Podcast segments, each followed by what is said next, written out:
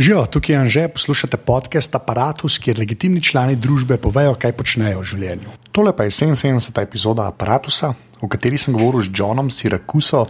To je že spet eden od unih mojih, ker ne vem, zakaj se z mano pogovarjajo, ampak vse. On je res naredil nekaj cajt nazaj, Hypercritical, en podcast, ki je bil bolj tehnološki, ampak ga mnogi smatrajo za enega najboljših podcastov ever. Tam je naredil 100 epizod, pa je pa mal nehal zdaj pa dela Accidental Tech podcast, kjer sem, so trije, je on, Marko Armen, pa Casey Lis, ki je tudi bil uh, gost v aparatusu. Tako zdaj mi je rata še Johna dobiti, so se pogovarjali eno uro o vsem, on je sicer programer, no se to bo sam povedal, ampak res eden od teh v tem svetu uh, tehnoloških piscev, oziroma kako koli sam sebe poimenuje ki se ga res plača poslušati. No? Tako da že spet res ne vem, zakaj z mano govorim, ampak pač je ne. Zdaj naprej začnemo še enkrat, full hvala vsem, ki ste že podprli aparatus ali pa unim, ki to še boste naredili, to pa lahko naredite tako, da greste na aparatus.si/slash podpri. Uh, res vsak evro pa pride, ki pa lahko še več truda vložimo vse tole. Tako da, uh, evo, zdaj pa John si rekel. Yeah, okay, so it's 5 a.m. that's yeah. why my if my voice sounds weird, that's that's why, basically. Waking up early gives you an accent? well, yeah, the accent's always there. So. yeah, my accent is uh, very um, Eastern European, I guess. That, that's what you guys would call it. So. Yeah, because uh, we don't know the names of any of the countries over there anymore. Well, the, well, yeah, that that is probably true of most Americans, I guess. But yeah, I guess we'll start or do you do you want to do you want me to pronounce my name for you? Because every American so far has done that. You got it. I was gonna, that was going to be my first question, but you're such an old pro at this now. You know exactly what's coming. Yeah, I, I, I actually wanted to make a little uh, like a, a, a, little snippet of my name because that was your advice, you know. yeah, I went to your went to your about page and I was hoping it was there, but it wasn't. It was just yeah, your name I'm, with I'm, all these funny characters sitting on top of the letters. Uh, yeah, but I'm gonna do that. I'm gonna use like whatever we talk. Like when I say my name now, and it's your voice like trying to say it. That's what I'm gonna use it on my about page. so this is gonna be it. I'm gonna actually leave this part in. So you know, I'm gonna say my name, and then you'll try and say it, and then I'm gonna have you know John Siracusa saying my name in the about page. That was the plan. So this is a bad plan. I know, I know, and I, I, I specifically wanted to say that, so I, will just put pressure on you now. So, okay, so I'm going to say it now, and you try and say it back. I guess that's the game. I mm-hmm. think. Okay, so it's Angers. Angers. Well, that was actually close. Yeah. So yeah, it's Angers Tomic. That's the full name. That's what my last name. But Tomic is kind of uh, like easier. Well, you, you got to get a do. You can't just say Tomic because an American would say Onze Tomic, but that's not what you're looking for. You're looking for Onze. Oh, I, no, I lost the first one. Onze yeah. Tomic. Yeah, it's Angers. Angers. Angers yeah. Tomic. okay, so okay, I think I have my clip now. So I guess you can, the, you can try Siracusa. Siracusa. Very good. All right. Yeah, now, but now yeah, you but, just crushed me for now. I now I suck. All right. Yeah, but you know we we're like we neighbor Italy, so you know well, um, no, but I don't. I don't pronounce it the Italian way. I mean, Italian. Yeah, it's say, Siracusa, right? Yeah, or, or, something like that. I don't. I don't speak Italian, but totally different. I mean, it's, mine is 100 percent Americanized pronunciation of this, you know, Italian city name. Well, yeah, and you have the USA when you spell it, so you know. Yeah. Uh, so okay, I guess, I guess this is going to be my first question now, which is always the same. Like, who are you and what do you do? That's not such an easy question. I get asked that a lot on podcasts. And you know, you ever uh, try to write a Twitter bio for yourself? I didn't look to see if you had one, but like they had, they give you a little spot to write a bio in Twitter. And what people usually do is they write a series of nouns with commas between them, and then they got to decide what what order the the nouns are going to go in. So there's immediately the struggle between like the people who are married or have children do they put husband or father first or last? Because does it make it seem like it's less important if you put it last, or should you put it first because you think it's the most important? Uh, those are the easy ones. I am a husband and a father, but I don't know where I would put. I have nothing in my Twitter bio, by the way, to, to make that clear. I left it blank. I, I, punted. I did not know what to put there. But if I was going to write a bunch of nouns there, some of the nouns would be husband and father, sure, uh, but also programmer because that's what I've done for my entire professional career. Is write programs, uh, and I would have to put writer in there somewhere, but I would probably like hedge and say like freelance writer to make it clear that people don't think I write for a living because I don't. Oh, I write code, but you know what I mean. Uh, Yeah. And I guess I would have to throw podcaster in there, even though no one knows what a podcaster is. But for the past couple of years, I've done a weekly podcast, so that's that's basically me. Yeah, but I mean, like at least after Hypercritical and now with ATP, you are an actual podcaster. Yeah, as much as anyone is. I mean, I do a weekly podcast, and I have for many years now. Uh, and so, yeah, podcaster. But like, that's not a thing. I mean, there are very few people who are. There are very few people who, as their profession, are podcasters. Well, yeah, that is true. Yeah, but yeah, it, it, it'd be in the Twitter bio. It'd be pretty high up, I think, at this point. Well, you, never know. Like, what people want to know sometimes is, are you that guy who I heard of because of whatever? And so I would tend to put programmer first because it's the thing I've done professionally for my entire career, but it's not the thing anyone knows me for. Uh, so I feel like that needs prominence. But if they want to know, hey, are you guy, are you the guy who wrote all those OS 10 reviews? I can say yes. And hey, are you the guy that had such and such a podcast that I had heard about? That's also me. Okay, well, that that, that that's a great lead-in for my next question because I don't. You you mentioned it once that you used to be known as the guy that was sort of really. I'm not, I'm not not critical of Apple, but you know when OS 10 sucked, kinda when it was slow, you were the guy that kept pointing that out, and you were not well liked. That those are your words, I think. So, you know, is that true or? Yeah, like, well, it wasn't good in the beginning. I was the only person who even was uh, seemingly aware of its existence enough to write about it because at that point, people were mostly writing about how Apple was doomed and on its way out the door, which could have very well been true.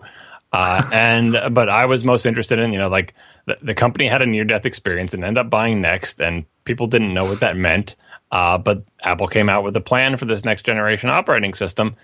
And most people are like, yeah, yeah, because they've had they had a whole bunch of plans for next generation operating systems, and so it was like, well, whatever. Uh, but this this plan would seem different, if only because it was clearly going to be the last plan, and either it was going to work or it wasn't. and so, uh, you know, they've announced what they were planning on doing, and it seemed crazy to me. Like you're going to combine NeXTSTEP with the Mac, and it mostly looks like NeXTSTEP with a Mac skin on it, and that's not what Mac users are expecting. And I didn't want all the good things that had defined the Mac for so many years to go away and to be replaced by. I like I like NeXTSTEP. I'd used it before, but it wasn't the Mac. And I if, if this was going to be the future, it was like mm, that's not really what I want. So yeah, I was writing writing about uh, what uh, you know what came to be known as OS 10 very early on, and like you know in 1999, I wrote the first uh, review of the the second developer preview release of OS 10. I wrote it on Ars Technica. And for many, many years, all I did was complain about how this new operating system did not live up to the standards set by the classic Mac operating system, despite the fact that the classic Mac operating system was long since past its time, technically speaking. And it was like, if something's going to replace it, I want the thing to replace it to be better in all ways, not just better uh, in the technical underpinning type of ways. Yeah, because that was my. I, I had contact with the Mac through my dad, who's a designer. So I sort of knew System 8 and 9. And they were like, they were proper operating systems, basically. And then when Mac OS 10 came out, like, he just didn't bother buying another Mac, actually. Because he tried it once and it just wasn't, you know. I don't want to say like it was bad, but it really was slow. And I think people sort of forget that from that era and it's that's why I'm basically still on Windows because I just never bothered to move from system like nine to Mac OS 10. So I just want to ask, like, in those days, were you ever tempted to just go Microsoft? Because you're a gamer, that's why I'm asking. Because that's why I ended up like on Windows because I play games basically. But were you ever tempted? Like, was John Siracusa ever tempted to just go full on Windows? No, not not, not at all. like, it, and because I knew what Windows was about. Like, who who wouldn't who didn't know what Windows was like in the '90s? Everyone knew it was it was everywhere. It's not as if like maybe Windows will be interesting. I don't really I've never really experienced it. We were all forced to use Windows at some point. I knew I knew what was in store there, and I didn't want any of that. The only thing that I found interesting that I toyed with was you know uh, desktop Linux. Uh, and I could see how that was kind of a rudderless ship, but I, I played with Unix all through my college years and I like Unix, and that's why I was excited about the Unix underpinnings of OS 10. It's just the GUI parts that I had a problem with, and on Windows, I didn't like the technical underpinnings, and I didn't like the GUIs. There was nothing there, so there was no way I was going to go to Windows. Uh, the only reason Windows uh, had any interest at all would be as a gaming thing, and that's I would treat it the same way I treat it now. Like you boot into it to play a game, and then you get out of it. Okay, well, yeah, that's yeah. Okay, some of us just used it because it was easier to like boot in and out of it, basically. Yeah, the Mac never became unviable for me. It was never at the point where like, well, I can't get my work done with this. And the saving grace of OS 10 is that there were so few Mac users during those terrible years when OS 10 was just dog slow and gross and not good. Uh, and only a few of us suffered through that. So by the time anyone paid attention, which is like post iPod, when people started to realize that Apple wasn't going out of business, by the time anyone paid attention, finally OS 10 by then was starting to become not terrible. Yeah, but that, that yeah, but there were a couple of years in that. That's why I'm actually fascinated by that. That you never actually gave up because I tried using it. It was like I don't think people realize how slow that thing was. even compared to we, and I'm saying it like even compared to Windows, you know, it really was like I don't I don't know. I just I gave up basically, and I just that like kudos for sticking with it. Well, I guess. Well, see, the thing know? is, I loved classic Mac OS, and during the first several years of me writing reviews of OS 10. I would write the reviews in classic Mac OS, and I would I would continue to use classic Mac OS as my main OS. The only time I would boot into OS 10 was to, to figure out stuff for the reviews. I really like classic Mac OS, everything about it except for the technical underpinnings. Uh, the fact that the thing was crashing, it was you know uh, no protected memory, uh, no real preemptive multitasking. It was it was past its prime, but I knew it like the back of my hand. It was super fast and snappy, like uh, classic Mac OS, Mac OS 9 on a, a blue and white Power Mac G3 was really fast and really, yeah. you know, it was it, it, was an operating system that should never have been still been around in the age of that level of hardware, but it was. Uh, so that that held me over. It was like, well, clearly Apple's not going out of business, especially after the iPod started to to catch on. Uh, so I'm safe continuing to use this really fancy, cool looking hardware. Remember the blue and white G3s and the, and the G4s? Yeah, those were cool, cool machines. Uh, and I get to use an operating system that I was familiar with, that it's really fast, that I like, uh, and I know they're working on something else that's better. Uh, it's just not quite there yet. So I had no problem waiting it out uh, using classic Mac OS on uh, on fancy Jony Ive design Macs. well, yeah, I recently booted up a uh, G3, but a beige one. Like one, I don't, I don't even know, like my, my dad's old machine, because he had some, you know, Illustrator files or whatever on it, and I had to get it off. And it, yeah, it really is like fast. And that's a PowerPC model, I think because he had a bunch of them, so I'd never keep track. But yeah, it was that. See, that's my point because it really was. There was like inst- stuff was instantaneous there, like it classic Mac OS. Like it really was. And then you, you boot up Mac OS 10, it's like I don't know, you know. I don't think there's an equivalent of it now. I don't know if there's like an op- operating system that works as slow as that thing did. Well, but there was like uh, not Palm OS. Uh, what the hell? WebOS. WebOS from Palm was sim- oh, yeah. similarly potentially ahead of its time. It's like the thing that made OS 10 so slow is that it had a compositing window manager without any GPU acceleration to speak of. So a compositing window manager would like re- render everything into off-screen buffers and do a bunch of math to blend it all together, and then only when the final scene is composed, shove that to the screen. Uh, and that was just super slow. Uh, uh, and eventually that got faster because the hardware got faster and it became GPU accelerated over the course of many years and many releases. WebOS was slow because it used web technology for everything. Who knows if that ever would have gotten fast? But clearly, it was, you know, it was equally, you know, perceptibly slow uh, when it was introduced. It's just that WebOS did not have the kind of runway that OS 10 had. OS 10 had years and years uh, because of the iPod and because of the candy colored iMacs and everything else that sort of distracted people from the fact that Apple still didn't quite have a viable next generation desktop OS uh, ready for use uh, and that gave it the runway it needed to become decent. WebOS never had a chance. Now, like I said, it's not it's not a slam dunk that WebOS ever would have gotten fast enough because if we look at web technologies today, native technologies are still way faster. But you know, these days our phones are running GPU accelerated compositing window managers. So uh, OS 10 was clearly barking up the right tree. It was just many years too early. Yeah, but with the native and web stuff, yeah, I think like I don't know WebOS. I used it on a pre. My friend had a pre, and yeah, I don't. Maybe uh, like even now when you just do anything in the browser versus a native app, it just I don't know that sort of. I, I don't think that would have happened. Like WebOS actually being like fast enough compared to Android and iOS. I don't know. Well, if you had enough, Just, if you had enough money and engineering behind it, it might have. I mean, look at things like uh, you ever play Quake Live, which is Quake Three Arena in a browser, essentially. With a, yeah, with yeah. plugin. I mean that that runs fine. Uh, WebGL, the WebGL demos, they they run fine. If you know, like, it, I'm not saying that's the way forward for WebOS, but given enough, I mean, compositing window managers were not were a non-starter on any device, and even the most powerful desktop computer you could buy, compositing window managers were dog slow. Uh, but given enough time and engineering, you can make almost anything fast. So who knows if if WebOS had become phenomenally successful, uh, maybe they would have had the time, money, and engineering resources to actually make it fast. Well, we'll never know. Okay, so I'm gonna ask you like a pretty simple question, which which I think you've answered before, but I actually wanna like hear it for myself. Like, wh- why, like, with all of the writing you do about Apple and all of that stuff, like, why don't you just like give in and get an iPhone? Like, I don't, because Marco tweeted a picture of you with a like a dumb, I don't know, like a flip phone at Yeah. WWDC. Like, why? Why is that? Why? Why is that a thing? like, Well, uh, I don't. in my life, I I, I wake up at my house, uh, get the kids off to school, eat breakfast. I go to work. My house has Wi-Fi. Uh, on the way to work, I shouldn't be on the phone anyway, but I don't have any internet access on the way to work. It's a fairly short commute. At work, I have Wi-Fi, uh, and then I come home again, no Wi-Fi on the commute. Uh, then I'm back in my house. There is pretty much no time when I need internet access that I don't have internet access. There is a period of time while I'm commuting when potentially I might need to call someone, so I do have a cell phone. Uh, like if my car breaks down or we want to communicate about who's picking up the kids where or driving them, whatever, I can do that. But that's like less than an hour a day.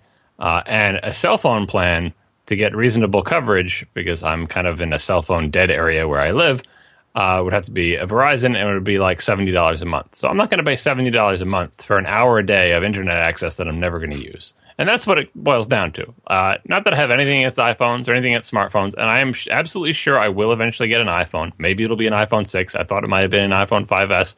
It wasn't. Uh, I just don't need one, and it's just like it's not like I can't afford an extra seventy dollars a month. It's just that you know there's a lot of things that I can't afford that I don't pay for because I don't think they justify their expense. If it was much cheaper, if it was twenty dollars a month, I would already have one. You know, uh, and my wife insisted on getting one, even though she doesn't really need one either. And so when we go out to, when we go out together, I can just use her phone. You know, if I need to look something up on the internet or whatever, uh, you know, we have an iPhone's uh, two iPhones so far we've had in the family. Uh, and were I to get an iPhone six, I would probably go on her family plan thing, and it would be like an extra forty or fifty dollars a month instead of seventy, so it would be a little bit cheaper. So it will eventually happen, but right now I don't need one. I use my iPod Touch when I'm in the house. I use my iPod Touch when I'm in the office. I use my iPads at home. Uh, and when I when I travel, like for WWDC, I buy a month of cell data for my iPad. All of my iPads have uh, you know cell data capabilities in them, and whenever we go on vacation or we go out somewhere where I'm I'm going to be away from internet access, I just buy uh, a month's worth for like twenty or thirty bucks. Right. But you do you do know you have an excuse to get one because you're, you're like the John Siracusa, the Apple guy. Like I don't. that's my point. But I don't review get all that. iOS though. I mean, like Well, now. I- I- for yeah, this, but for you this know, review for like for uh, Yosemite with the whole handoff thing and everything, I have I have a much more legitimate reason to get one. But now would be absolutely the wrong time to get an iPhone 5s because they're going to introduce new phones in September. So who in their right mind Yeah. would buy a new phone? And you know, so instead, I'm just going to commandeer my wife's phone and uh, use that for the review. Yeah, because I'm like I'm a tech writer as well, and that, that's always my excuse. I, I have a Nexus phone, and that's why I get a new Nexus phone every year. Because I convince myself I need to be up Uh, to date. yeah, with, that, you that's what that's what everyone tells all these people who buy new phones every single year. Well, I, I'm I'm in the tech business, I, and really they just want a nice shiny thing every year, and it's very easy for them to justify it. Uh, well, I was okay, but yeah, but uh, that was my next point. Like with Yosemite and stuff, like you basically like the excuses are kind of running out, right? Like with the whole, you know, sort of consolidation between you know Mac OS 10 and iOS, you you kind of you know Yeah, I mean, like I can test. I probably can test a lot of the handoff things with, but well, with my iPod, I forget. Yeah, any any. I think it works with any uh, device with a Lightning connector and any Mac that is newer than 2012. So I think I can test a lot of things with my iPod Touch, but obviously phone calls I cannot test, and I'll use my wife's phone for that, which means I'll have to install an iOS 8 beta on her phone, and she will not like that. But uh, but like I said, but- like it's at this point, really, I mean, seriously, if you if you know anything about the tech business, this is not the time to buy a new iPhone. And I thought about like buying one and then returning it within the 30 day window. You know, I don't like. just for the review. Okay. yeah, I bought it and then just return it and then you know either do or don't get an iPhone six or whatever they introduce in, in the fall. Okay, well, I actually wanted to talk to you about the uh, not like predictions and stuff, but just the the screen size because uh, like for a long time, like in like this part of the internet where like you reside and like all of the Apple, I guess pundits. That sounds crappy word. I don't like it, but yeah, like there, there, was this thing that when Apple introduced the original iPhone, and like the screen size was there, and you know compared to Android with the whole fragmentation stuff, like with the smaller screen, it's perfect. Apple picked it, and then like you were like one of the I, I don't want to say like dissenting voices, but you kind of you, you always kind of hedged that part you know that the screen was sort of like the way it was supposed to be. And then when uh, andy ihnatko wrote that piece when uh, he switched to android and he kind of explained the uh, benefits of a larger screen you were sort of like on board with that i guess or were you? That's basically what i'm asking. Yeah no i was i was on board with that uh, because I'm I'm a big screen kind of person. I like big screens on laptops, like big screens on desktops, uh, and the, the whole Apple Kool Aid drinking about like, oh, this is the perfect screen, and we tried all sorts of sizes. I mean, it, even if it was the perfect screen at the time it was introduced, time marches on. People's preferences change, technology changes. A lot of the perfection of the original iPhone screen had to do with how much the screen costs, what yeah. size can we get screens of this quality. Uh, and and also, like I said, fragmentation. Once we've committed to a screen, we don't want to change it unnecessarily. So let's keep it for as long as we can. Apple sort of did keep it as long as they could, and then they made it a little bit taller, and that was kind of another stopgap. Uh, but just look around you. Just go onto public transportation and look at the sizes of the smartphones that are out there. They're all humongous. People want big phones, and it's not like, well, Apple, we know better. You shouldn't have a big phone. Uh, it's it's ob- it's been obvious from the very beginning that the iPhone line had to and would diversify in the same manner as the iPod line did. I mean, started out with just one iPod. Eventually, they came in, in a variety of shapes and sizes. What those sizes are and what quantities they sell in is determined by customer preference. But there's clearly a range of size possible for a handheld phone device or iPod or anything like that. And it's inevitable that Apple would have to, uh, you know, start expanding its line to cover more of those bases. And we're, you know, it's been happening over many years, and I think we're going to see more expansion uh, with the next line of phones they introduce. Oh, yeah, because that that was sort of my like the the okay. Let's talk about the whole Kool Aid apple drinking stuff. Like how how do you see that whole like I don't know because there's there's a couple of you guys like the, the the guys that write about Apple that I when I read you guys I sort of see that you always you know, like Gruber always says, Daring Fireball is called Daring Fireball on like Mackie McMac Mac site because he kind of wants to or Apple sites. Like the it doesn't have like Apple anywhere in the name because there's always this broader perspective there, and I get the same feeling from you and like Andy Ihnatko and all of those guys. But like, where where do you see yourself in that continuum from the guys that just do like proper like just Apple Kool Aid drinking, writing, and like your stuff? Uh, Do you know what I mean? Because yeah, there's like this broad spectrum. Like I don't, I don't know how you guys see it from like the inside. Because you know whatever like John Siracusa writes, people usually like take notice. Like where do you see yourself in that whole? You know. Well, you know, like the hypercritical podcast kind of outlined over two years or so. Uh, I'm always looking. I'm always looking for what's wrong with stuff. Uh, and so my position is always going to be: let me figure out what Apple is doing wrong and explain why it's wrong. You know that's where I'm coming from with everything. Uh, the things that I care about, I want to know how they're screwing up uh, and what's wrong. And occasionally they'll do something really good, and I'll explain why it's good. But a lot of the the sort of partisan Apple press, and it's diff- difficult to separate the partisan Apple press from everyone else when Apple's doing really well because the story's yeah, the same. But a lot of the partisan Apple press, uh, uh, when I read stuff. Uh, if I get the impression that this writer started with the premise that Apple is good and right, and then worked backwards to find facts and reasoning that fulfill that, even if their facts and reasoning are correct, and even if their facts and reasoning are clever and insightful, it it still seems invalid to me if they started from from the idea that okay, given that Apple is the best company in the world and is doing everything right and and is super awesome, let me figure out uh, why that's the case, and then they'll just work backwards from there. And that is uh, something I'm not interested in at all. I don't find it it's it's not a useful thing to have out in the world. I think Apple does not need other people trying to do its PR or marketing for it. If Apple does tr- something truly great, by all means, explain why it's great. But don't start your you know before you put fingers to keyboard every single thing. Think about okay, here's the here's the situation in the world. Here's what Apple's position is. Now let me think about why Apple's position is right. you know that's not it's not where I come from ever. On um, what I'm always writing about is here's what Apple's doing. What's wrong with what Apple do? What are they missing? What do they not see? Uh, how are they unintentionally setting themselves up for future failure? Uh, and the reason I write with that kind of passion is because I really like Apple and I don't want them to go away. And they almost died once before, so I'm always on them, like like like a you know like a, a parent who's like looking over says, just make make sure you don't screw up. Remember what happened last time you almost went out of business? What are you doing? Are you sure that's the right thing to do? And I'm I'm not looking for explanations of why it's the right thing to do. The Apple's going to tell me that. Apple's going to say it's great because we are X, Y, and Z. I want to find out why they're what they don't see, what they're not telling me, what what's left unspoken. So uh, that that's how I see myself in this world. I don't know how other people see me because I do praise Apple for the things that I like, and I do really like a lot about Apple. But I'm always looking for what they're doing wrong. Okay, and, and like in that vein, I just wanted to ask you, like now that they're doing like great, like Apple is, uh, like how do you see? Because see, I I have like this general problem with like American public corporations, which like none of them sort of last that long, basically. And I don't know, like there's like some political reason I think that's so, but let's forget, let's put that aside. But like, how do you see? Um, Apple like going forward like in the, the same manner like I don't know I think Ben Thompson Thompson or maybe like Horace Dediu had this post where he said like there's a generation of Apple execs now that just knows success basically. Like how how do you think that sort of like does that have a chance of creeping in and then like turning them into like a Microsoft type deal or do you think they have those like checks and balances like in within the culture to prevent that from happening?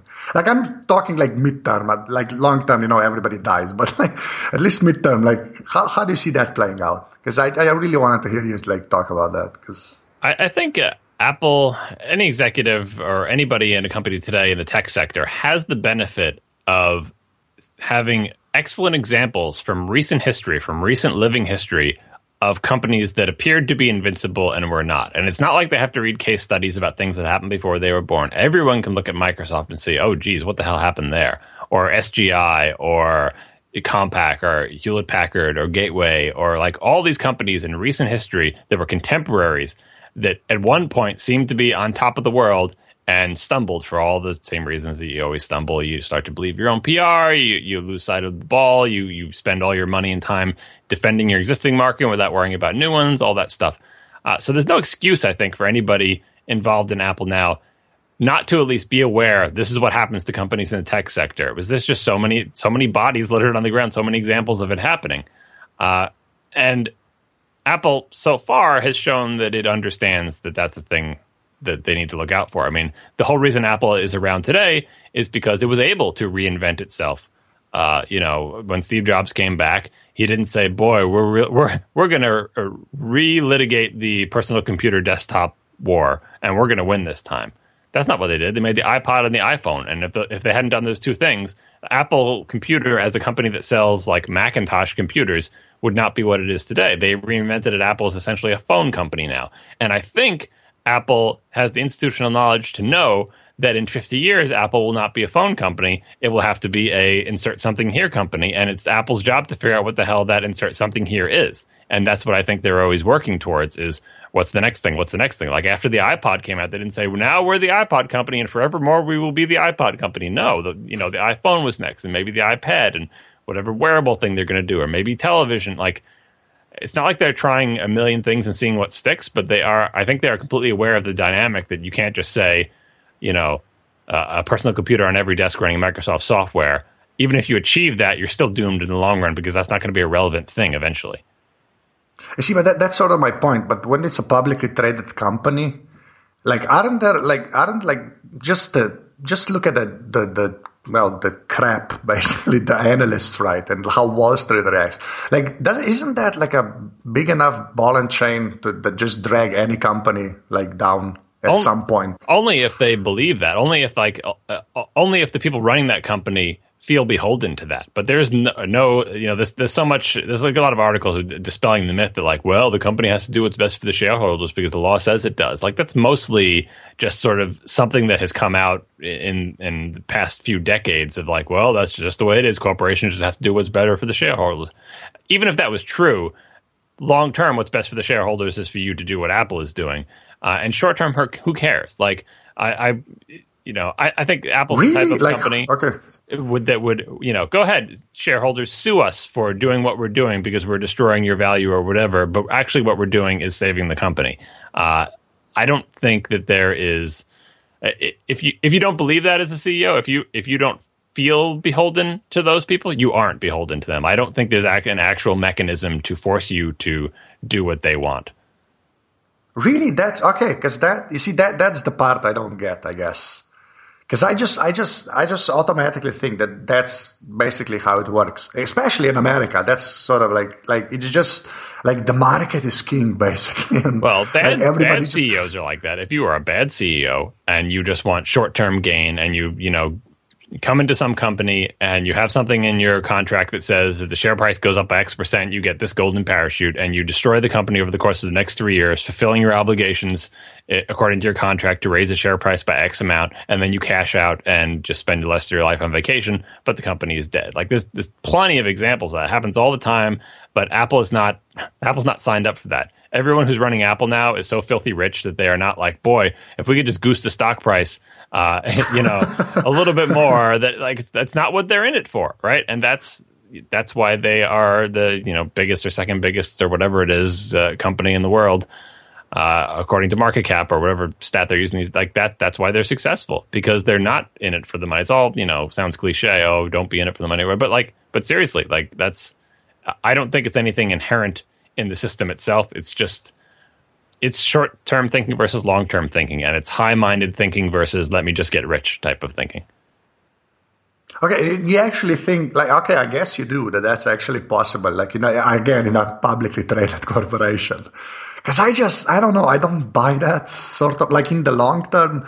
Like I, I just think that kind of works when you have like a CEO like Tim Cook, maybe, uh, maybe when well, Jobs Steve, was around. Steve, you know? Steve Jobs wasn't in it for the money, and I can guarantee, like, even, even when there's like corporate BS happening with like personality conflicts, like Forstall going out, Forstall wasn't in it for the money, right? None of these guys were. Bertrand Serlet, who recently left the company, he wasn't in it. All these people have all the money they're ever going to need. They, I mean, it sounds stupid. They they want to change the world, or even if you don't want to say they want to change the world, they want to produce products that are successful so that their name is remembered as someone who made amazing things. They don't want to be remembered as, boy, that guy really knew how to make a lot of money. yeah, and I actually get that. It's just the, the, the way that like uh, uh, you know like corporations work. Like nah, that sounded really activist, but like public corporations in the U.S. work when when you're kind of tied into that the, into like Wall Street. Basically, I just I think some of that some of that gets eroded over time. Like even if you're in it for the you know let's change the world, I think some of that oh yeah basically no, gets eroded. It, that is the opposing force. You are you are the you are the stone in the river, and it is the, the water and the grit. And yeah, you it's you have to be careful, otherwise you just let that shape you. But I, I mean, there are so many things in the world where that's the case, where there is the devil on your shoulder and the angel on your shoulder, and just because the devil is there doesn't mean it wins all the time.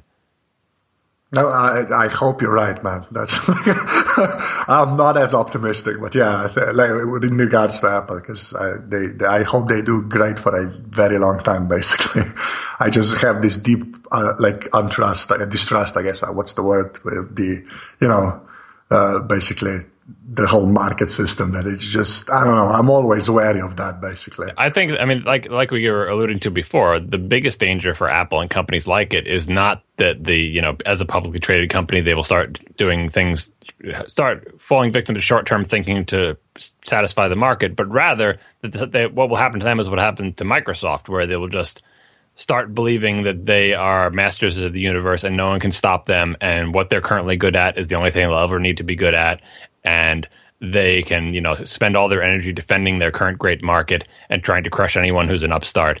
Like that's how these companies fail.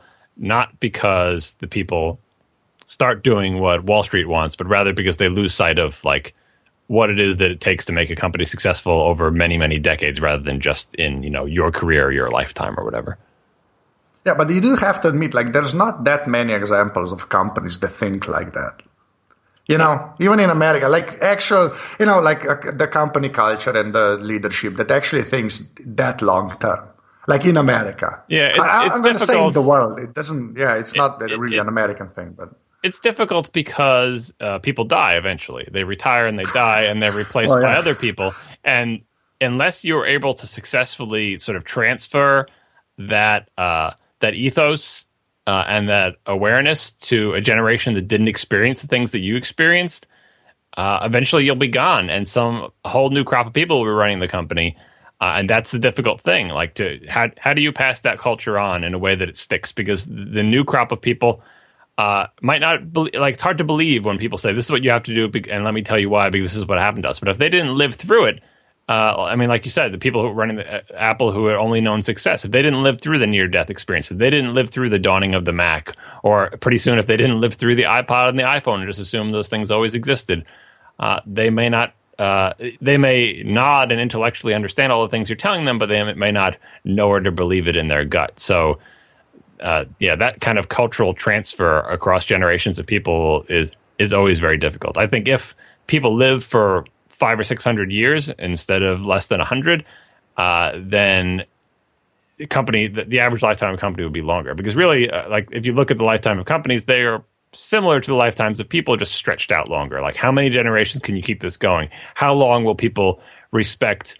Uh, the foundations that Steve Jobs and Tim Cook and this crew have laid down before they say, you know, those guys aren't here now and they don't know anything and really they had it wrong and we need to do something totally different yeah that, that yeah that transfer of culture is like that interests me the most basically and that's why i think it's like a credit to apple with the whole steve jobs uh, like tim cook uh, transition which was it's actually kind of amazing that I mean, it, I, I know that Tim Cook has been there for a while, but like that, like a leadership on that scale, and to just like you know, for the curve to just keep going up, I think that is pretty much amazing. Like I don't, I don't, I at least I don't, I'm not aware of a like a similar transition in a company that big that went that smoothly. And by smoothly, I just mean that they keep doing the right thing, seemingly, not smoothly in the, like you know being profitable and all of that stuff. Because when you look at like that Microsoft, you know their CEO transitions, you know that was not smooth. Not, not smooth at all. No. yeah, that, yeah, and that's being kind, basically. Well, I mean, it, look at. I would say look to Pixar because uh, that's another company with a similar ethos, and the ethos is not. Uh, I mean, it, it, the thing that's passed on between Steve Jobs and Tim Cook is not. Uh, here's the way Steve Jobs did things. You should do things the same. The, the ethos is, uh, you know, you can't just because you're successful now doing what you're doing that doesn't mean that you're going to be successful doing that in the long term. You have to, you know, find out what's next, keep pushing the boundaries, you know. Uh, and so what Steve Jobs passed on to Tim Cook is not uh, keep running the company exactly the way I would, but rather you got to do what's right for the company, and that's not much help unless you know what's right for the company. And the, but the next step is what's right for the company is not always going to be make awesome iPhones or make awesome iPods or make it's always going to be something else. You're always going to have to reinvent the company and get good at things you're not good at and find new avenues to sell things because nothing lasts forever, especially in technology.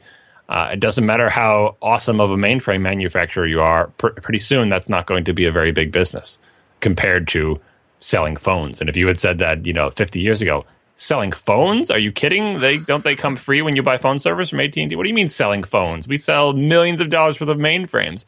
We're never going to be, you know, a company that sells phones is going to make more money than us. That's ridiculous. Like you never know what it's going to be. So that's what's passed on, not not the specific things. And I mentioned Pixar because it's a Steve Jobs type of company as well, and because if you read uh, Ed Catmull's recent book Creativity Inc., he goes over.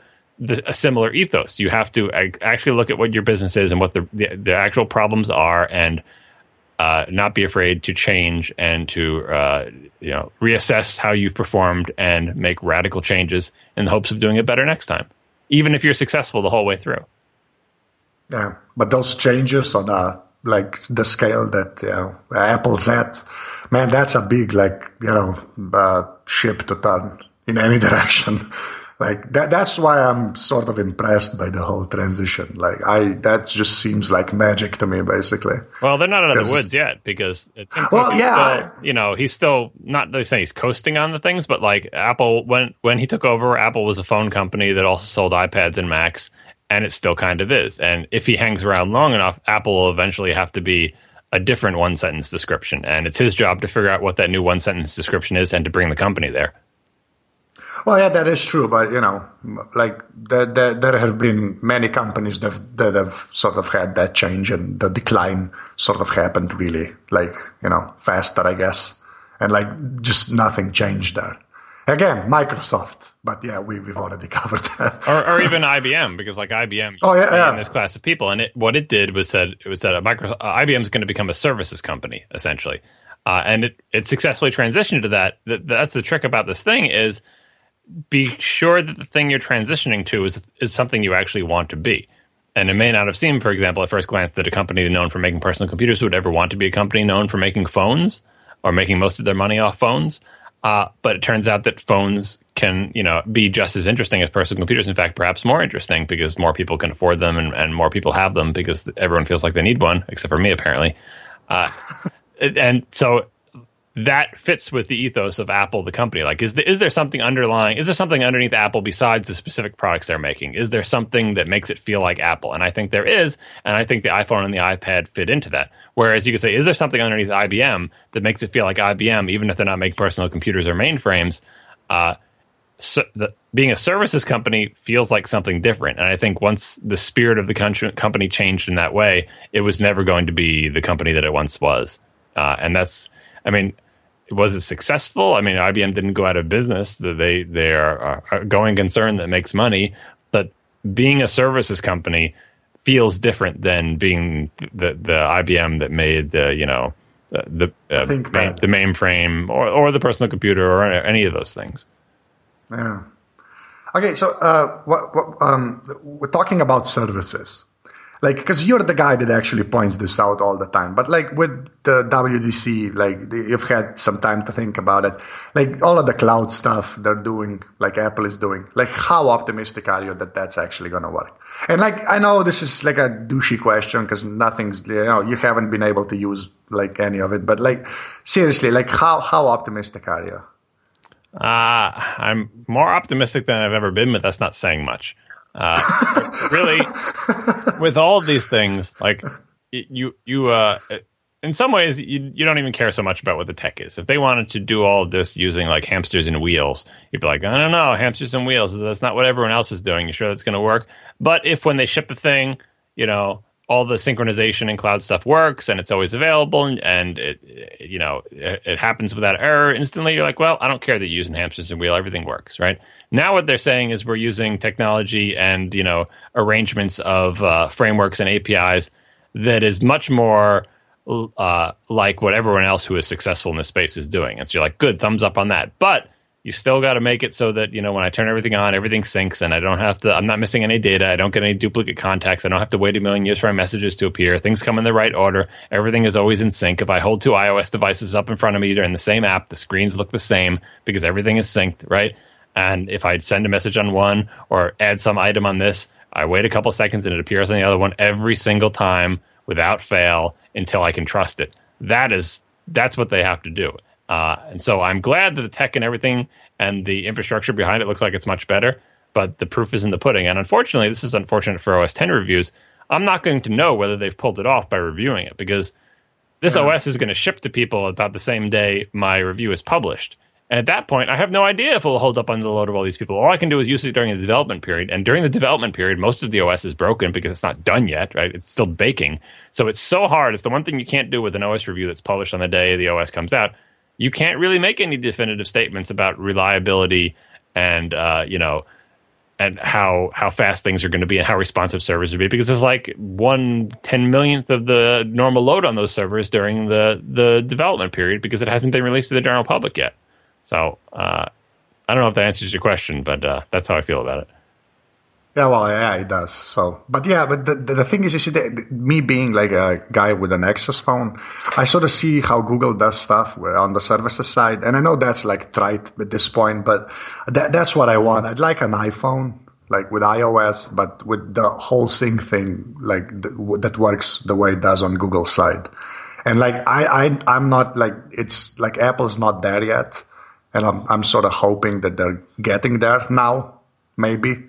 But yeah, like I get yeah, we're gonna see because the the uh, user base of iOS is not small, so all of that stuff working the way it's supposed to. That's you know, it's gonna be a, a small miracle, I think. But yeah, hopefully.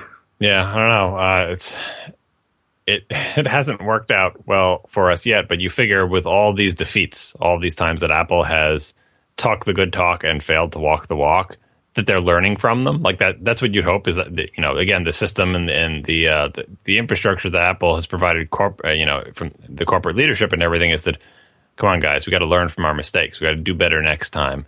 Not just like do better by like really buckle down, guys, but look at why we failed and see is there something structural in the company that's causing that failure and try to change it. And they've made a couple of runs at this and it hasn't worked out yet. But the same could be true of their next generation operating system, where they made a couple different runs at it, and none of them worked until they uh, finally found the right one. So you know, maybe what is this the third, fourth time's the charm? Whatever, whatever, whatever attempt they're up to in their online stuff, uh, we're hoping this is the one.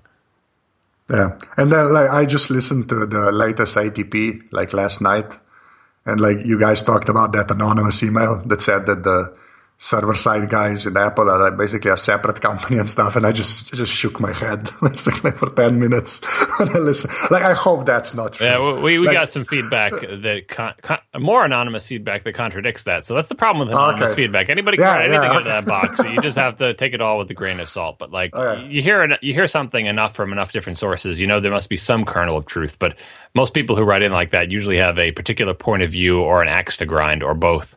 And so even if they're 100% truthful, that perspective is not necessarily the whole story. Okay. Well, okay, that, that that's put my mind at ease a little. I, am guessing that's going to be in the follow up of next uh, the next show. So yeah, okay, so okay, I'm going to ask you about your hardware and software, but, but just before we do that, I just because uh, you're a gamer and you're basically a Nintendo guy, as I am. Because I've I, I the only Nintendo I don't own is the Wii U and the original NES. I started with the Super Nintendo. I never had the Nintendo Entertainment System. So uh, I just um, how how good are you at Mario Kart? I know that's a weird question, but this one's for me. But like, how how good are you at Mario Kart? Like all of the different iterations. Like, are you any good at Mario Kart? Basically? I was. That's my question. Pretty darn good at Double Dash because Double Dash we had at a, a job I had back around uh, 2001, 2002 ish, uh, and we played Mario Kart Double Dash uh, as a company uh, pretty much every day at lunchtime for a year, a year and a half. I got pretty darn good at it. Double Dash still is my favorite iteration of the game, but prior to that, I had played the Nintendo 64 version, which I liked and I was okay at. I mean, I'm I'm good enough that I can beat beat the games, you know, unlock mirror mode, beat all the levels in that, come in first place, all that. All the stuff that you can unlock in the games, I can unlock. But when like the Wii version came out and it had online play, playing online, I am you know bottom you know bottom quarter of the pack because those people spend way more time playing these things than I do. Now, I still contend that if there was online play for Double Dash in my Double Dash Prime, I would have been mid pack easily. But right now, yeah, all right. I mean, you sit down with a bunch of casual people who have never played before. Obviously, I'm going to beat them because I know the courses. But any serious Mario Kart player is, is probably going to beat me at this point. Yeah, that's what happened to me on the DS. Like I thought I was like I basically beat the game, and like you said, and then I went online and some Japanese dude basically humiliated me, and then I didn't go online for about two months after yeah, that. The world is a big just, place. yeah, and people have more time to play games basically than I do. So, yeah. Okay, so sorry, that was I had to ask that because Mario Kart is my Nintendo game basically. It's not Zelda. Well, you got to get like, a Wii U now because Mario Kart Eight is. Uh, I, I, know. I still I know. like Double Dash better. I feel like Double Dash is more of a pure driver's game. Mario Kart Eight is kind of dumbed down, but it's super fun. You see, that's the thing, because that, that's why I like the original DS version, because it felt sort of like uh, uh, like the original Super Nintendo version, and but it didn't have that dumbed down feeling. Like you, even on like the 64, I think like the steering was a lot easier and stuff. I think like uh, the uh, I, and I heard that Mario 8 is sort of more in that way than the whole drive, like you said, like a driver's game basically. But yeah, I, I keep looking at the Wii U, but I'm gonna wait a couple of years and then I'll get it and I'll get the Mario Kart. Basically, that's what I'm gonna do. I think. But yeah, sorry, that was like a weird tangent about Mario Kart, but I had to ask you. um, so okay, well, I'm gonna like this is the the last portion of every episode where I ask you about your hardware and software. So like, yeah, and I want to hear exactly which phone you have. So like, all right. So so hardware wise, what what what does John Siracusa use on a daily basis? My phone, I don't even know what the specific model is. I think it's a Motorola V170. Uh, if you Google for every time I Google for Motorola V170, it shows me a phone that looks vaguely like mine. But anyway, I care so little for my phone that I don't even know the exact model. And I had to replace my previous phone because it was using a technology that was being phased out. Like I don't know if it was like analog signaling. I don't know enough about the the cell service there, but like they said, that I, I, it's a prepaid thing. Like it's from TracFone is the company here, and you just you know you prepay for minutes or whatever. And I have like every year I accumulate more minutes. Uh, but they said, oh, you, the phone you have from us is no longer going to work, so you need to get a new phone. So I just got whatever was the cheapest one they had. It's a piece of crap. Anyway, uh, that's my phone. My Mac is still a 2008 Mac Pro, uh, 2.8 gigahertz. It's filled up with four hard drives. It's got 16 gigs of RAM. Uh, I've replaced the video card with a uh, what is it, Radeon 5770, uh, so it can actually play games that have been released in the past few years without uh, being totally embarrassing. I was planning on buying a new new Mac Pro, but they're just too darn expensive and aren't even the fastest thing you can buy uh, for playing games. So I'm not going to spend seven grand on a computer uh, that doesn't play modern games faster than computers that cost way way less. I know, um, but you can design a house on it, basically. yeah, I guess. yeah, like, I mean, I think, I, like, like the iPhone, I think I will eventually get a new Mac Pro because this thing's not going to live forever. Uh, I just hope they, you know, I, I, hope they either produce one with a better video card or reduce the price or both. Um, yeah, but you like the size will blow your mind. We had a review unit at the magazine I write for and it it, it, it really like it's it's weird oh, how I've, small it is. I've seen them. I've seen them. Oh no, but like uh, the the guy that reviewed it had to use it for like a couple of weeks, and when it sits on the desk, it really it's just it like every time you walk by, it's like that cannot be that powerful. Yeah, like well, it's, just it's always going to take up more room than my current Mac Pro, which is not on my desk at all. So even though it's so small, it will take up a spot on my desk that is now currently has nothing on it. So. Oh yeah, but under your desk, you have a, like a machine as big as a, you know. yes, it is. I, I, don't know. Yeah, it is very big. nice space heater in the winter. All right, sorry, go on. Sorry. All right, so I've got uh, the current iPod Touch, which is this ancient thing anyway, but it is actually the uh, best iPod Touch you can buy, even though it's whatever, two years old or whatever it is now. I've got an iPad 3, which I really like. Uh, I mean, it's it's big and it's heavy, but the battery life has been great. It's got a Retina screen. I didn't buy an iPad I, until they came out with a Retina screen because when they introduced the iPad, it was clear that eventually they would introduce a Retina model, and I figured I could wait. Uh, I did wait. Once again, my wife couldn't wait. She has an iPad 2 with a non retina screen. She also has an iPad mini with a non retina screen. But me, I was patient and I have an iPad with a retina screen. So I'm very happy with my iPad 3. Obviously, I would like an Air, but I think I can last a couple more. You know, I already lasted two generations past this. There was the iPad 4 and there's the iPad Air. Maybe the next iPad I'll replace it. I think the only reason I'll replace my iPad is when the battery starts going bad. And right now it's still getting all day battery life, so not a big deal. Um, yeah, and then uh, when you replace it, you're gonna have like at least two gigs of RAM, hopefully. Oh yeah, just that's the other thing. Like the longer I wait, the more I can, you know. It's like it's like when I refused to get for the longest time, I refused to upgrade my Mac. I had a blue and white uh, G3. Uh, I refused to get a newer Mac because the bus speed was so embarrassing. It was like I forget how fast the processor was, but the, the you know the front side bus was like 133 megahertz, and it was like a you know a gigahertz or something. it was it was ridiculously unbalanced machine. So I did not buy a new Tower Mac until they came out with the Power Mac G5 that finally had a balance between the front side bus and and the CPU speed. You know, and I, am good at waiting a long time for the Mac that I want, and uh, it usually works out for me. Uh, software wise, uh, I don't know. What do you want to know? I use a lot of software. Uh, yeah, no, but I actually like uh, stuff that's iPad specific. If you could start with it, I always ask that because I think like uh, like tablet apps are sort of a thing that doesn't get mentioned a lot. So stuff you actually like use on the iPad a lot, and it, maybe it's iPad specific, or maybe it's like a universal app. Or... Well, you know, I use Safari a lot on my iPad. I use a Twitter app on my iPad a lot because mostly what I'm doing on Twitter is uh, tapping links in people's tweets, and I want them to show in a big big web browser, not like the little mobile version or whatever. So I do a lot of Twitter reading with Twitterrific on my iPad. I use Safari for my browser there. I use the Instapaper app to because a lot of times when I know I don't have time to read something when I'm reading Twitter, I'll send it to Instapaper, and then when I do have time, I'll read it on my iPad. Uh, I use Reeder, uh, the RSS reader on the iPad. Uh, briefly, Reeder didn't work, and I used something else in between, but now I'm back to it now. Uh, what else will I use on the iPad? Some games, uh, you know, uh, Scrabble type games, letterpress, uh, threes, uh, Super Hexagon, whatever the, the the game of the week is that I play through and then delete. Um, I don't know what else do I do on the iPad. If I had it in front of me, would it be more instructive? I mean, I have everything on there that you expect. I have Dropbox, I have Simplenote, I use the built-in Notes app, I have Soulver on there. Like I have tons of apps, and I don't. It's not like I have tons of apps and I never use them. I have tons of apps and I use at least a couple screens worth on a semi-regular basis. Right. Uh, and as far as games go, I know you said like the the sort of Scrabble type stuff, but um, any games on the iPad that actually sort of you know you'd call a like a proper game, like not like a yeah. mind thing or a, like well, I mean, actually like. There's the ports, like Limbo was ported to the iPad, but like I had played that long since on the on the Mac or PC or whatever.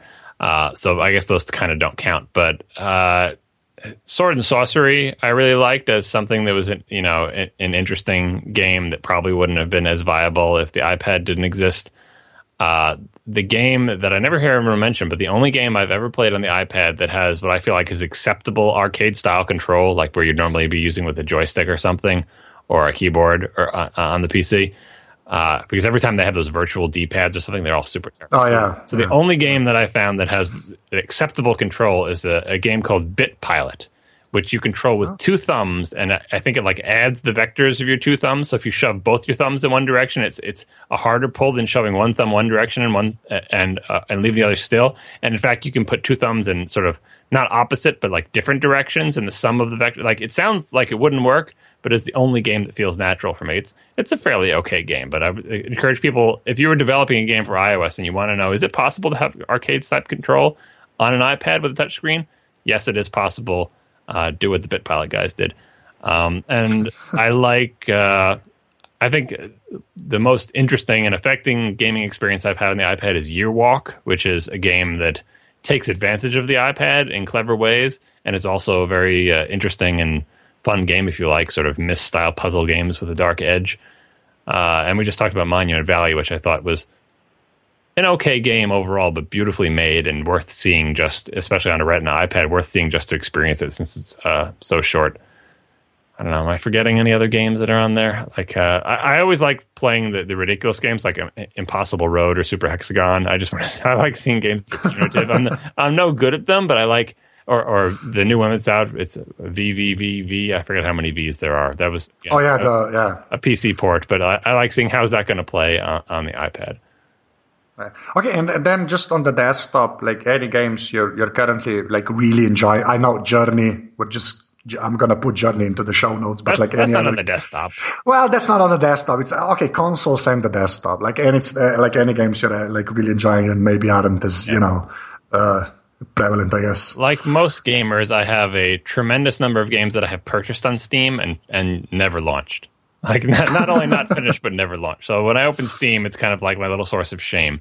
Uh, but the next one I know that I have in the queue is the second season of the Walking Dead game. I really enjoyed the first season of that game, and I'm oh, yeah, forward to playing the second. Like I forget when I bought it. Did I pre-order it? Like I, it's it's bought, it's downloaded, like or it's downloading the episodes as they're released.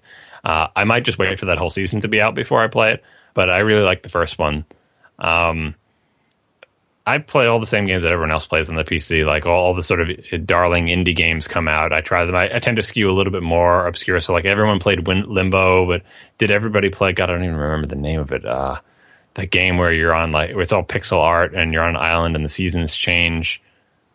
I hmm. can't, can't, even remember what the name of it is anymore. Uh, yeah, yeah but you're, you're more of an indie guy on the desktop, I guess. Yeah, like, like not the AAA stuff. You know, uh, mm-hmm. that's if there is a, a, trendy indie game, I will probably buy it and I will maybe play it, depending on uh, on uh, you know what the reviews are. And of course, like I like all the the the, the more popular game that indie people love as well, like the Portal series and uh, you know, obviously Half Life. If they ever come out with the new with Half Life Three, I'll play that.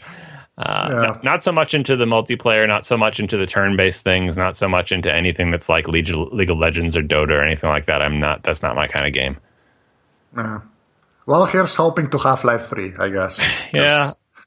I know. I'm, I, I, yeah, I've given up. But, well, but I'm not. I'm not. Like, I feel like they still have a few years for that because I only played Half Life Two like fairly recently. In in you know, oh, okay. compared to compared to the people who had gaming PCs when the game came out.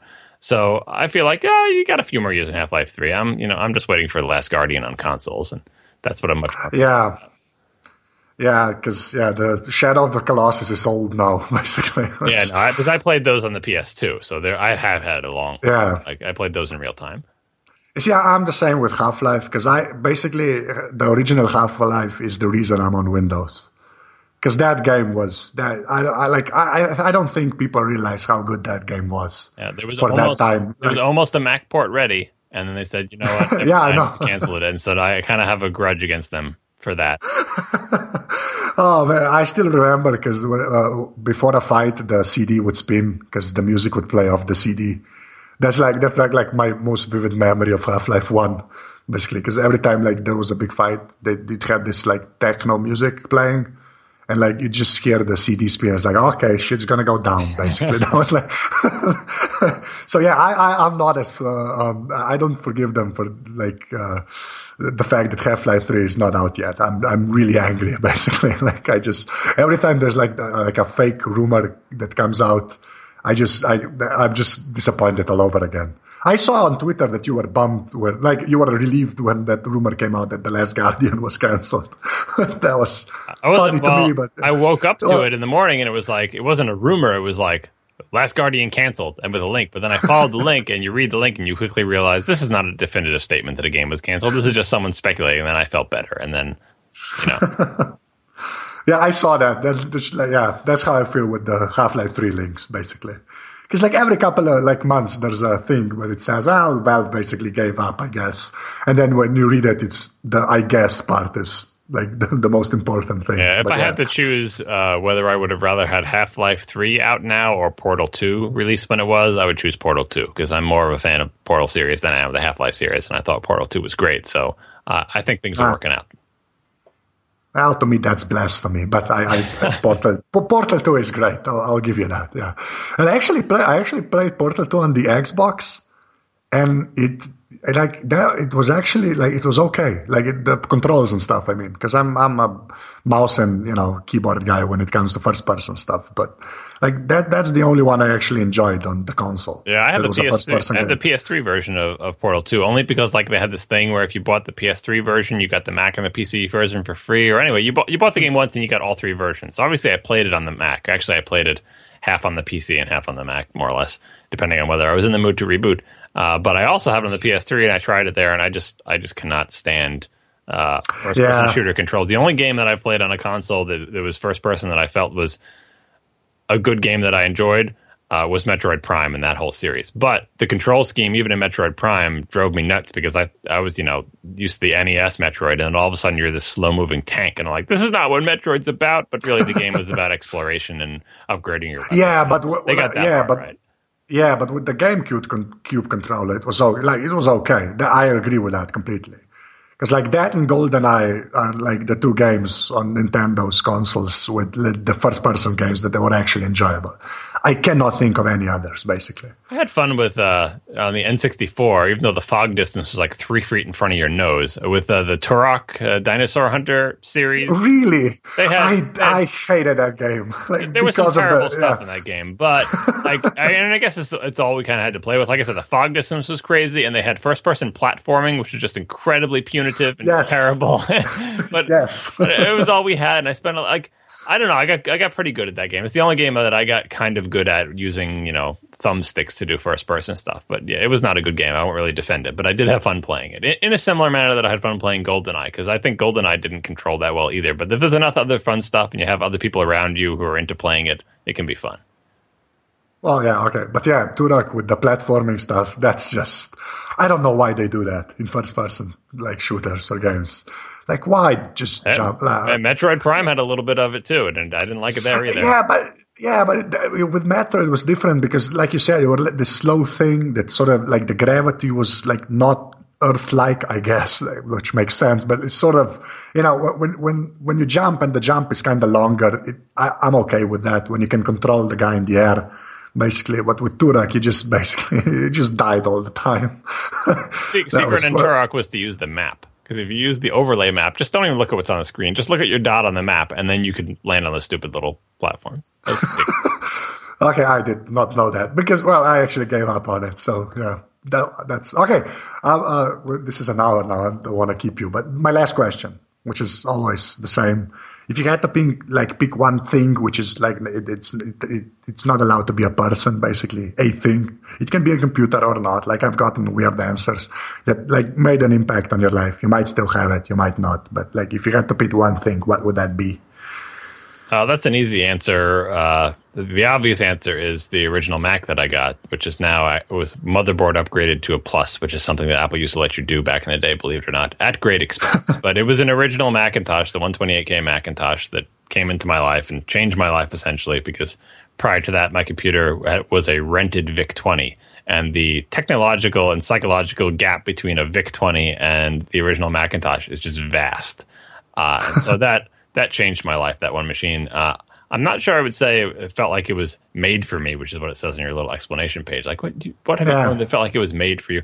Did it feel like it was made for me? I don't know. I felt like I was made for it, more like that. But if, if I had to pick the thing that felt like it was made for me, the other choice would be my uh, Mongoose BMX bike that I got. Uh, oh, nice. Uh, when I don't remember how old I was. Maybe I was nine or ten or something.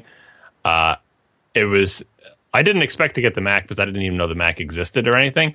But I knew the Mongoose existed, and I really wanted it, and didn't expect to get it, and I got it, and I think I got more more enjoyment out of that bike than any other thing that I've owned, eh, including that original Macintosh, because eventually the original Macintosh got replaced. But I just kept riding that bike like forever. I mean, I eventually graduated to ten speeds because I needed to go longer distances and stuff, but uh, I still have that bike. Uh, I still have the original Mac as well, and it's a tough race between the two of them, which, which, was more important in my life. Certainly, the Mongoose uh, brought me closer to death many, many more times than the Mac did. It's not quite as dangerous to use the Mac, but uh, yeah, I don't know. Two way tie.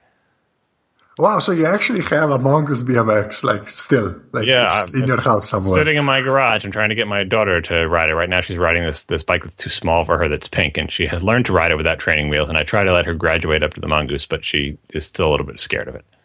That is awesome, man. that's, that's, I, that, that, I'm gonna, yeah, I'm gonna put down both in the show notes. But the, like the Mongoose BMX, that's something I did not expect from like from you. If you want to Google for it, it's a it's a black Mongoose Californian. I think it's 1984, but I'm not entirely sure what the year is. Uh, but if you just oh. Google for black Mongoose Californian, you will find pictures of my bike. That's awesome, John. That's like, and the BMX is an answer I've never gotten. And like like uh, with the Slovene interviews, like this is my seventy seventh interview. So you know, uh, as far as that goes, it's a unique answer. So you know, uh, th- that that's pretty much it. Like, thank you, like very much for doing this. Uh, and I'm, I'm gonna thank Glenn again with the emails because it's like it's insane. Like that guy, I just I cannot thank him enough. He knows everybody, and everybody knows him or so, yeah, or so he will tell you. well, yeah, I think I think like at this point, I'm starting to think that that's actually true. Yeah, it, pro- so, it probably yeah. is actually true. Uh, ej, uh, Žan Žekle, zdaj bo tako, so vas z Johnom poslovila, pa so se pa v bistvu še pogovarjala, pa mi je on rekel, da lahko tudi ti sponucam v bistvu kot del pogovora. Se mi je zdela fajn debata, tako da sem jo v bistvu noter pustil, sem to, da veste, zakaj ti rečeva, dio, pa še govoriva, tako da v bistvu še ni konc. Zdaj pa jaz neho govoriti, tako da gre naprej temu. Ok, čau, čau. Yeah. Uh, John, thank you. Thank you. This is it. Thank you, and thank you for waking up early in the morning to accommodate the crazy time difference. Uh, not a problem. Like my my ankle is better, so it's oh, yes. it's, it's, fine. Well, this is another thing. You sitting in front of a computer doesn't involve your ankle, so you're you're all set. Yeah, I'm a, I'm actually this is my second day off the crutches, so you know, uh, like the curve is going up basically. uh, yeah. Okay, uh, that's it. I know. I enjoyed your. I enjoyed your uh, like the Hall of Mirrors effect of listening to your episode with Merlin because you would quote the opening of the show was a segment from Merlin's show talking about you being on the show that I was about to listen to. Loved it. Yeah, I, I had to do that, and I love the fact that he said Bela Lugosi because I actually know who that is, yeah, and that's like, uh, yeah, that was that was my, one of my favorite things. We, of like, we can't name a lot of uh, famous people from your part of the world, nor can we locate where you live on a map. But we could say that guy's accent sounds a little bit like that guy who played Dracula.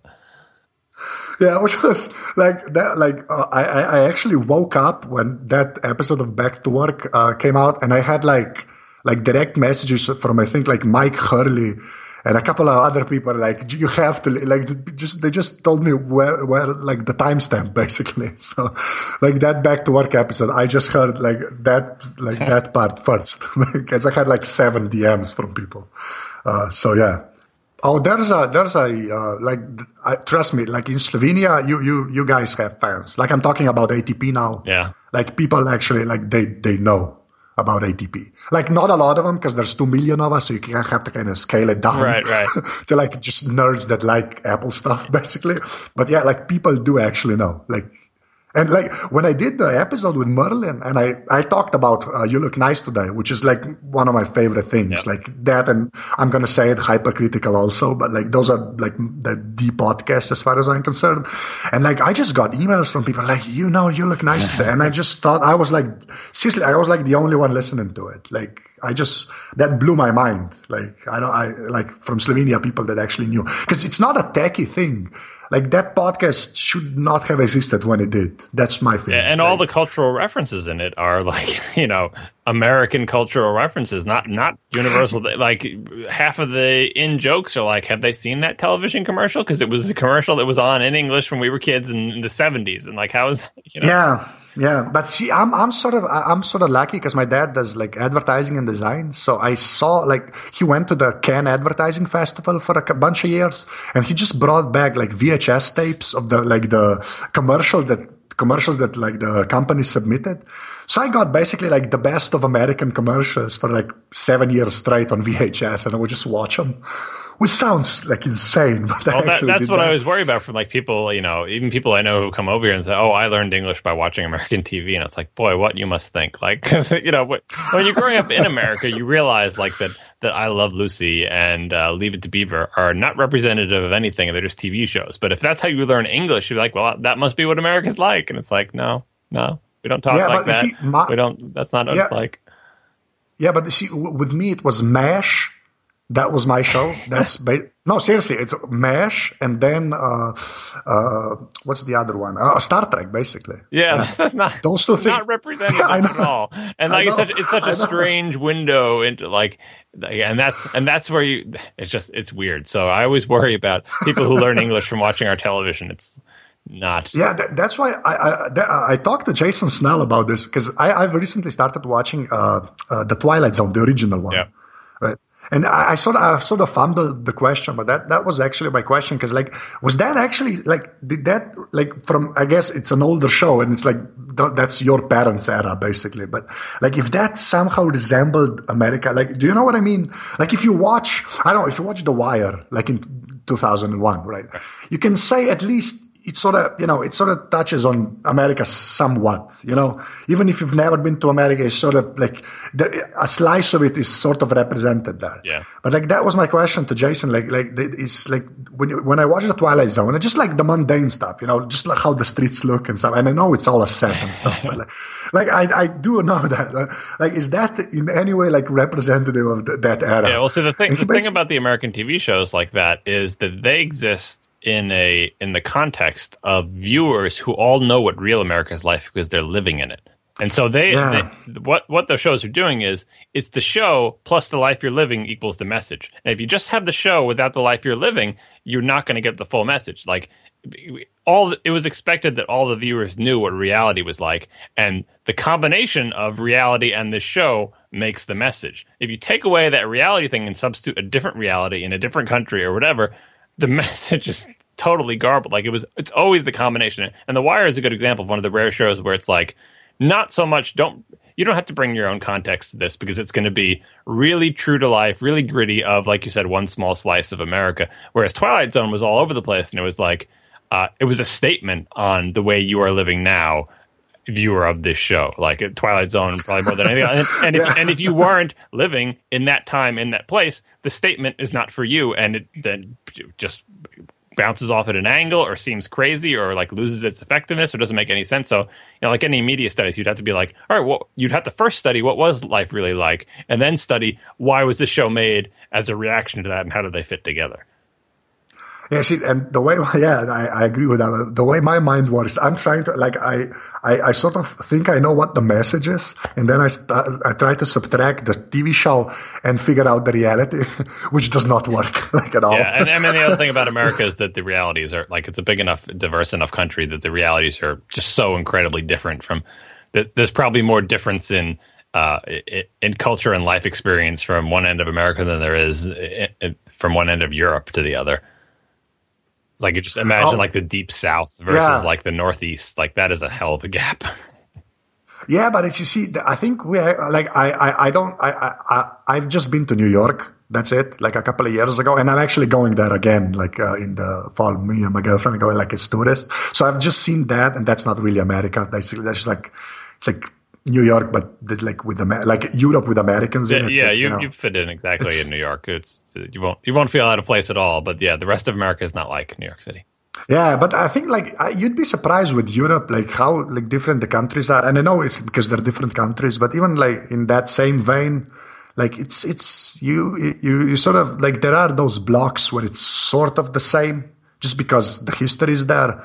But like comparing like Slovenia to I don't know like Lithuania, it's like I, I've never like I I've been to Latvia. I, like it's just it, there's not, like it, it really is different. Like you can you can tell by the cars, you know, like stuff like that, which in America I guess doesn't happen. Like you know, I'm I'm guessing like Chevy Impalas are everywhere. Like that's that that's sort of how it, I that's what I say. It depends on what part of the country, and in some part of the country, pickup pickup trucks are everywhere. And it, for me, I oh, go months at a time without seeing a pickup truck, and that's impossible to do in other parts of the country. So yeah, the cars really do change.